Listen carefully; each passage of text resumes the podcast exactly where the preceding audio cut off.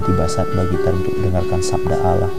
Biarlah waktu-waktu ini mempermuliakan nama Tuhan.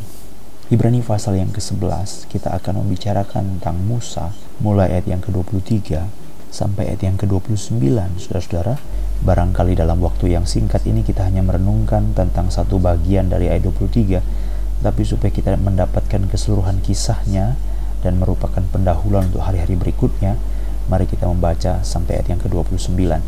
Ibrani pasal 11 ayat yang ke-23 sampai 29. Demikianlah firman Allah. Karena iman, iman maka Musa setelah ia lahir disembunyikan selama tiga bulan oleh orang tuanya. Karena mereka melihat bahwa anak itu elok rupanya dan mereka tidak takut akan perintah raja. Karena iman, maka Musa setelah dewasa menolak disebut anak putri Firaun, karena ia lebih suka menderita sengsara dengan umat Allah daripada untuk sementara menikmati kesenangan dari dosa. Ia menganggap penghinaan karena Kristus sebagai kekayaan yang lebih besar daripada semua harta Mesir, sebab pandangannya ia arahkan kepada upah. Karena iman, maka ia telah meninggalkan Mesir dengan tidak takut akan murka raja ia bertahan sama seperti ia melihat apa yang tidak kelihatan. Karena iman, maka ia mengadakan paskah dan pemercikan darah, supaya pembinasaan anak-anak sulung jangan menyentuh mereka. Karena iman, maka mereka telah melintasi Laut Merah, sama seperti melintasi tanah kering. Sedangkan orang-orang Mesir tenggelam ketika mereka mencobanya juga. Sampai di sini pembacaan kitab suci. Puji Tuhan. Beberapa ayat yang kita baca adalah bagian yang mengkisahkan Musa dalam pelayanannya dan kita melihat bahwa ini merupakan bagian yang tidak luput dari pengalaman, dari kisah iman. Memahami iman bagaimana? Dari beberapa tokoh kita mengerti iman bagaimana dalam hal apa mereka disebut sebagai orang beriman. Dan dalam hal itu pula kita hidup kita menghidupinya. Yang kita baca ini ada tiga bagian yang sebenarnya dapat kita lihat. Yang pertama adalah orang tua atau iman dari orang tua Musa. Ayat 23 iman dari orang tua Musa Sedangkan dari ayat 24, 25, 26, 27, 28 ini adalah iman daripada Musa sendiri. Sedangkan dalam ayat 29 itu adalah bangsa Israel. Musa yang memimpin bangsa Israel keluar dari Mesir. Orang Israel pun pada waktu itu oleh pimpinan Musa itu pun karena iman.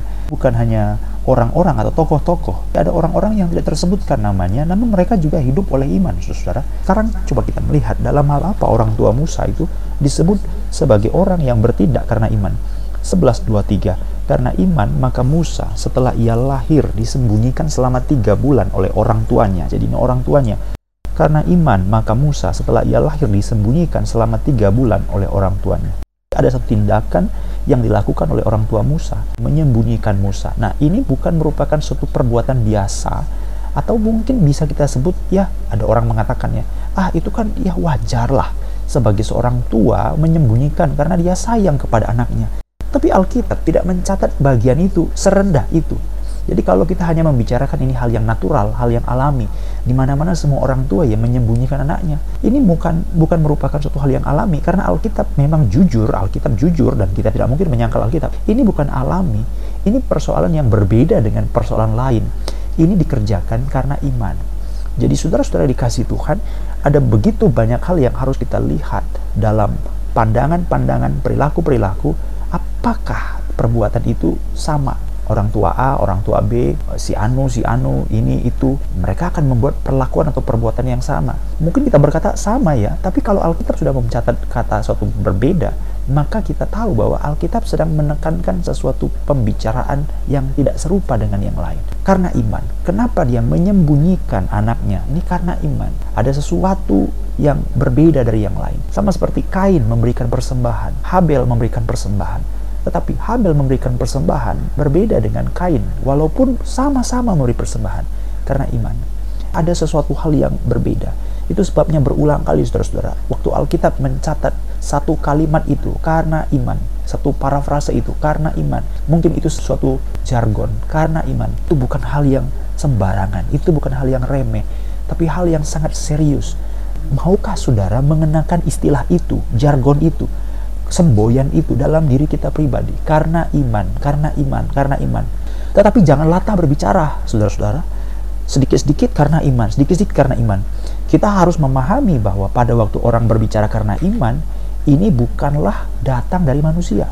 Iman adalah karunia Allah. Iman adalah pemberian Allah. Iman itu inisiatif yang dikerjakan asalnya dari Allah. Yang kedua, iman itu tumpuannya adalah Allah iman itu tumpuannya adalah Allah. Iman adalah dasar. Saudara-saudara dikasih Tuhan memahami kalimat ini, maka kita dapat mencoba bertanya, apakah pengalaman ini dimiliki oleh orang tua Musa? Percaya, tentu saja. Karena Alkitab berkata, karena iman, maka orang tuanya menyembunyikan Musa atau lebih tepatnya secara harafiah dikatakan karena iman, maka Musa karena iman, maka Musa setelah ia lahir disembunyikan selama tiga bulan oleh orang tuanya. Orang tuanya memiliki satu pemikiran, satu kesaksian yang diberikan kepada mereka. Entah apa, kita tidak tahu bagaimana, tetapi yang pasti itu adalah firman Allah. Itu adalah perjanjian Allah. Memang Musa adalah orang Lewi. Orang tuanya itu adalah orang Lewi, Amran dan Yokhebed. Mereka adalah keluarga Lewi. Tentu saja ajaran-ajaran pedagogi yang diturunkan sama seperti kesaksian yang diterima oleh Habel sehingga dia mempersembahkan persembahan yang benar kesaksian yang diterima oleh Henok sehingga dia bergaul dengan Allah dan memberikan nama Metusala kepada anaknya itu dipengaruhi oleh pedagogi satu ajaran karena pada waktu itu belum ada Alkitab, belum ada kitab suci, belum ada buku yang tertulis. Mereka itu mendengar khotbah dari apa? Ya tidak dari buku atau tidak membaca Alkitab, tidak ada karena pada waktu itu tidak ada Alkitab mereka menerima ajaran yang diturunkan. Turun temurun turun temurun turun temurun. Ini berbeda dengan ajaran kita sekarang. Kita sebut turun temurun turun temurun itu namanya tradisi. Tradisi itu awalnya dari manusia dan manusia berdosa. Itu sebabnya tidak bisa kita sampaikan adat istiadat kita sama seperti adat istiadat yang dimiliki oleh orang Yahudi karena mereka itu menerimanya itu langsung dari surga dari Allah di Gunung Sinai melalui Musa. Kalaupun sebelumnya lagi pada masa Adam lalu turun ke Set, lalu turun ke Enok, Enos. Itu diturunkan, turun temurun, turun temurun karena pada waktu itu Alkitab tidak ada. Oleh sebab itu Tuhan memerintahkan supaya omongan tidak melebar ke mana-mana dan tetap terkendali. Maka ada masa setelah genap waktunya Tuhan suruh dicatat semua wahyu, semua firman Tuhan itu. Maka kita sekarang bersyukur kita sekarang punya firman Tuhan yang tercatat. Tapi pada waktu itu mereka menerima kesaksian karena iman kesaksian bahwa penebusan akan datang, kesaksian bahwa keselamatan harus tiba. Tetapi lewat siapa? Tidak tahu. Namun ada sesuatu hal yang tidak bisa disangkal. Mereka menyembunyikan Musa karena iman. Dan iman yang bagaimana kita tidak mengerti. Apa kata yang mereka dengarkan, mereka pegang, kita nggak tahu. Tetapi yang pasti itu adalah karena janji keselamatan yang daripada Allah. Hal yang kedua, kenapa kita bisa sampai pada kesimpulan itu? Dalam Ibrani 11.23 dikatakan, disembunyikan selama tiga bulan oleh orang tuanya karena mereka melihat bahwa anak itu elok rupanya. Nah, membaca Alkitab ini merupakan suatu kebahagiaan karena membaca Alkitab itu pada bagian yang awal mungkin tidak diceritakan atau disembunyikan, tetapi pada bagian yang kemudian belakangan itu mulai diceritakan. Kalau dalam kitab Keluaran, saudara-saudara, mungkin kita melihat fokusnya di sini adalah karena anak ini, Musa ini elok menurut penglihatan orang tuanya. Ketika dilihatnya bahwa anak itu cantik, disembunyikanlah ia tiga bulan lamanya. Keluaran dua itu mengatakan manusia fokusnya, manusia melihat anak itu cantik. Ibrani pasal 11 ayat yang ke-23 dikatakan di situ anak itu yang cantik. Tetapi saudara, kalau kita cross check lagi, jadi anak itu cantik lihat oleh orang tuanya dalam ayat 23. Mereka melihat, orang tuanya melihat. Tapi coba kita baca dalam kisah Rasul pasal yang ketujuh ini adalah pandangan yang disampaikan oleh Stefanus pada waktu dia sedang berada di depan mahkamah pengadilan.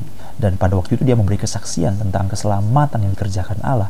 Dan dia menceritakan tentang tokoh-tokoh leluhur-leluhur kita bagaimana akhirnya sampai keselamatan tiba dalam Yesus Kristus. Tetapi ada satu peristiwa tentang Musa di Rasul pasal yang ke-7 ayat yang ke-20 pada waktu itulah Musa lahir dan ia elok. Tetapi di mata Allah Nah, saudara bisa lihat apa ini perbedaannya ya. Kenapa dalam dalam Ibrani pasal 11 ayat 23 itu anak itu atau Musa itu elok dalam pandangan orang tuanya. Ketika dilihatnya bahwa anak itu elok, ketika dilihat orang tuanya. Keluaran pasal 2 ayat yang kedua, ketika dilihatnya, dilihat orang tuanya, dilihat manusia. Tetapi kisah Rasul pasal 7 ayat 20, ia elok di mata Allah. Loh, ini berbeda. Ini tidak berbeda, justru ini sama, saudara. Inilah yang membuktikan bahwa orang tua dari Musa itu adalah orang beriman. Karena pandangannya sama dengan pandangan Allah atau lebih tepatnya apa yang dipandang Allah itu jugalah yang dipandang oleh orang tuanya ini. Ini kan kesepahaman ya. Sama seperti suami istri, kalau sudah sepaham itu indah sekali saudara. Hanya dengan kode mata, hanya dengan bahasa tubuh, hanya dengan gestur, mereka bisa mengerti hanya dengan bahasa isyarat, hanya dengan saling berpandangan. Mereka sudah punya pengertian yang sama kan. Saudara pernah mengalami perasaan itu? Atau saudara tidak pernah mengalami perasaan itu ya? Kalau saudara tidak pernah mengalami perasaan itu, berarti suami istri perlu lagi lebih banyak komunikasi, lebih banyak lagi sharing, lebih banyak sumbang saran, lebih banyak berdoa bersama-sama, bergumul dalam Tuhan perlu ya. Pada waktu punya tatanan level komunikasi macam ini wah ini udah hebat sekali. Ini merupakan mereka betul-betul menjadi satu. Pada waktu Allah memandang anak ini elok rupanya orang tuanya pun punya pendapat atau pandangan yang sama. Kita pengen punya mata seperti Kristus memandang. Kita pengen punya hati seperti hati Kristus. Kita pengen punya jiwa seperti jiwa yang Kristus. Kita pengen seperti Kristus Itulah sebabnya firman Allah terus-menerus mengubahkan kita. Kita dengarkan supaya firman Allah itu menguatkan kita. Karena kita pengen punya satu kesatuan, union with Christ. Kita ingin satu, memiliki kesatuan Kristus. Sehingga apa yang menjadi pandangan Kristus, itu pandangan kita. Apa yang menjadi kasih Kristus, itu menjadi kasih kita. Apa yang menjadi kebencian Kristus, itu menjadi kebencian kita. Apa yang menjadi kesukaan Allah, itu menjadi kesukaan kita. Bukankah itu merupakan suatu kebahagiaan iman kita, saudara? Jadi, pada waktu Alkitab mencatat, ia elok dalam pandangan orang tuanya, Allah sebenarnya sudah mengatakan lebih dulu. Kisah Rasul pasal 7 mengkonfirmasinya. Stefanus mengatakan, pada waktu itulah Musa lahir dan ia elok di mata Allah. Pada waktu ada kesamaan pandangan antara Allah dengan orang tua Musa. Dari sini kita tahu, tidak salah lagi, bahwa orang tua Musa adalah orang yang beriman. Karena iman, Ibrani 11.23, setelah ia lahir disembunyikan tiga bulan oleh orang tuanya karena mereka melihat tapi kisah Rasul pasal 7 mengatakan Allah melihat bahwa anak itu elok rupanya kenapa? karena mereka orang beriman hati sama seperti hati Allah apa yang Allah inginkan, itu juga keinginan saya. Apa yang menjadi Allah rindukan, Tuhan, itu juga kerinduan saya. Apa yang menjadi Allah maksudkan, Tuhan, itu juga yang kumaksudkan. Jadilah kehendakmu di bumi ini, dalam hidupku, seperti di surga. Itu orang beriman. Yang ketiga, dalam hal apakah orang tua Musa disebut sebagai orang beriman? Mereka tidak takut akan perintah raja. Ini ada satu hal yang harus kita perlu garis bawahi. Bukan berarti ini satu pembenaran bahwa kita boleh melawan pemerintah. Tidak ya. Tetapi dalam bagian ini kita tahu subjeknya itu adalah Allah. Kedaulatan Allah Allah lah yang berkuasa atas segala pemerintahan, Allah yang berkuasa atas politik, Allah yang berkuasa atas ekonomi, Allah yang berkuasa atas sosial kemasyarakatan, Allah yang berkuasa atas segala pilihan karir. Kita tahu itu ya. Kalau misalnya kita sebagai orang percaya, posisi kita di mana? Posisi kita tidak melawan pemerintah. Sepanjang pemerintah itu sesuai dalam kehendak Allah, maka kita pun akan tunduk kepada pemerintah. Tetapi kenapa pada waktu itu orang tua Musa tidak takut akan perintah raja? Seolah-olah kita boleh sebut mereka berlawanan dengan perintah raja karena raja bertindak tidak sesuai dengan kehendak Allah. Ini juga merupakan suatu ajaran yang boleh kita terapkan bukan saja kepada pemerintah, tetapi juga kepada hubungan antara suami dengan istri, hubungan antara orang tua dengan anak. Ini adalah otoritas yang diberikan Allah. Pemerintah mendapat otoritas dari Allah, sehingga rakyat tunduk kepada pemerintah. Suami mendapat otoritas daripada Allah sehingga istri tunduk kepada suami. Orang tua mendapat otoritas dari Allah sehingga anak menghormati orang tua. Oleh sebab itu, otoritas daripada Allah itu penting dan jangan salah gunakan otoritas itu. Waktu pemerintah salah gunakan otoritas dari Allah adalah kebenaran apabila rakyat itu tidak tunduk kepada pemerintah atau melawan, apabila tidak takut kepada perintah daripada raja, apabila otoritas suami diselewengkan semena-mena, maka istri itu akan melakukan suatu kritik kepada suami. Dan suami harus sadar dia bukan manusia serba benar. Dia menerima otoritas itu dari Allah apabila dia sudah seleweng dari kehendak Allah dia berada pada suatu bahaya terhadap otoritas itu sendiri. Orang tua bukanlah serba benar karena dia mendapat otoritas itu dari Allah. Itu sebabnya Alkitab mengatakan dalam surat Paulus dia berkata anak-anak taatilah orang tuamu. Ini bukan merupakan suatu kata hormat tapi taat. Kata taat itu diberikan hanya kepada Allah tunduk kepada pemerintah, tunduk kepada suami, hormat kepada orang tua, tapi taat itu kepada Allah. Tapi kenapa surat Rasul Paulus mengatakan taatilah orang tuamu? Karena kalimat selanjutnya mengatakan di dalam Tuhan. Kalimat ini penting, di dalam Tuhan. Jadi orang tua boleh menerima ketaatan itu di dalam Tuhan.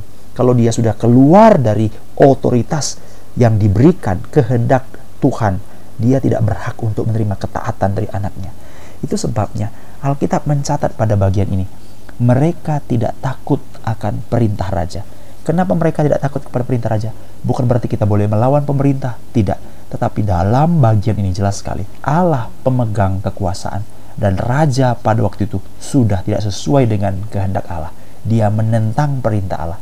Dia memerintahkan bahwa semua orang anak laki-laki di Mesir harus dibunuh. Bahkan dia memerintahkan dua orang bidan, Sifra dan Pua, untuk membunuh setiap bayi daripada orang Ibrani yang lahir, bayi laki-laki. Tetapi ini merupakan perlawanan. Namun saudara bisa kita tahu, ini tidak berlangsung lama. Karena apa? Karena Tuhan tidak mau perlawanan ini terus-menerus. Alkitab mencatat itu hanya berlaku selama tiga bulan. Tiga bulan. Dia tidak sanggup lagi. Dia tidak mampu lagi. Dan memang tidak tidak boleh lama, saudara. Ada satu kurun waktu yang terjadi. Tetapi Alkitab juga mencatat oleh kemurahan Tuhan. Maka setelah tiga bulan lewat, Musa ada di tangan atau disebut sebagai anak putri Firaun. Betapa indah tindakan iman. Tindakan iman membuat tindakan kita tindakan yang sesuai dengan kehendak Allah. Tindakan iman membuat pandangan kita seperti pandangan Allah.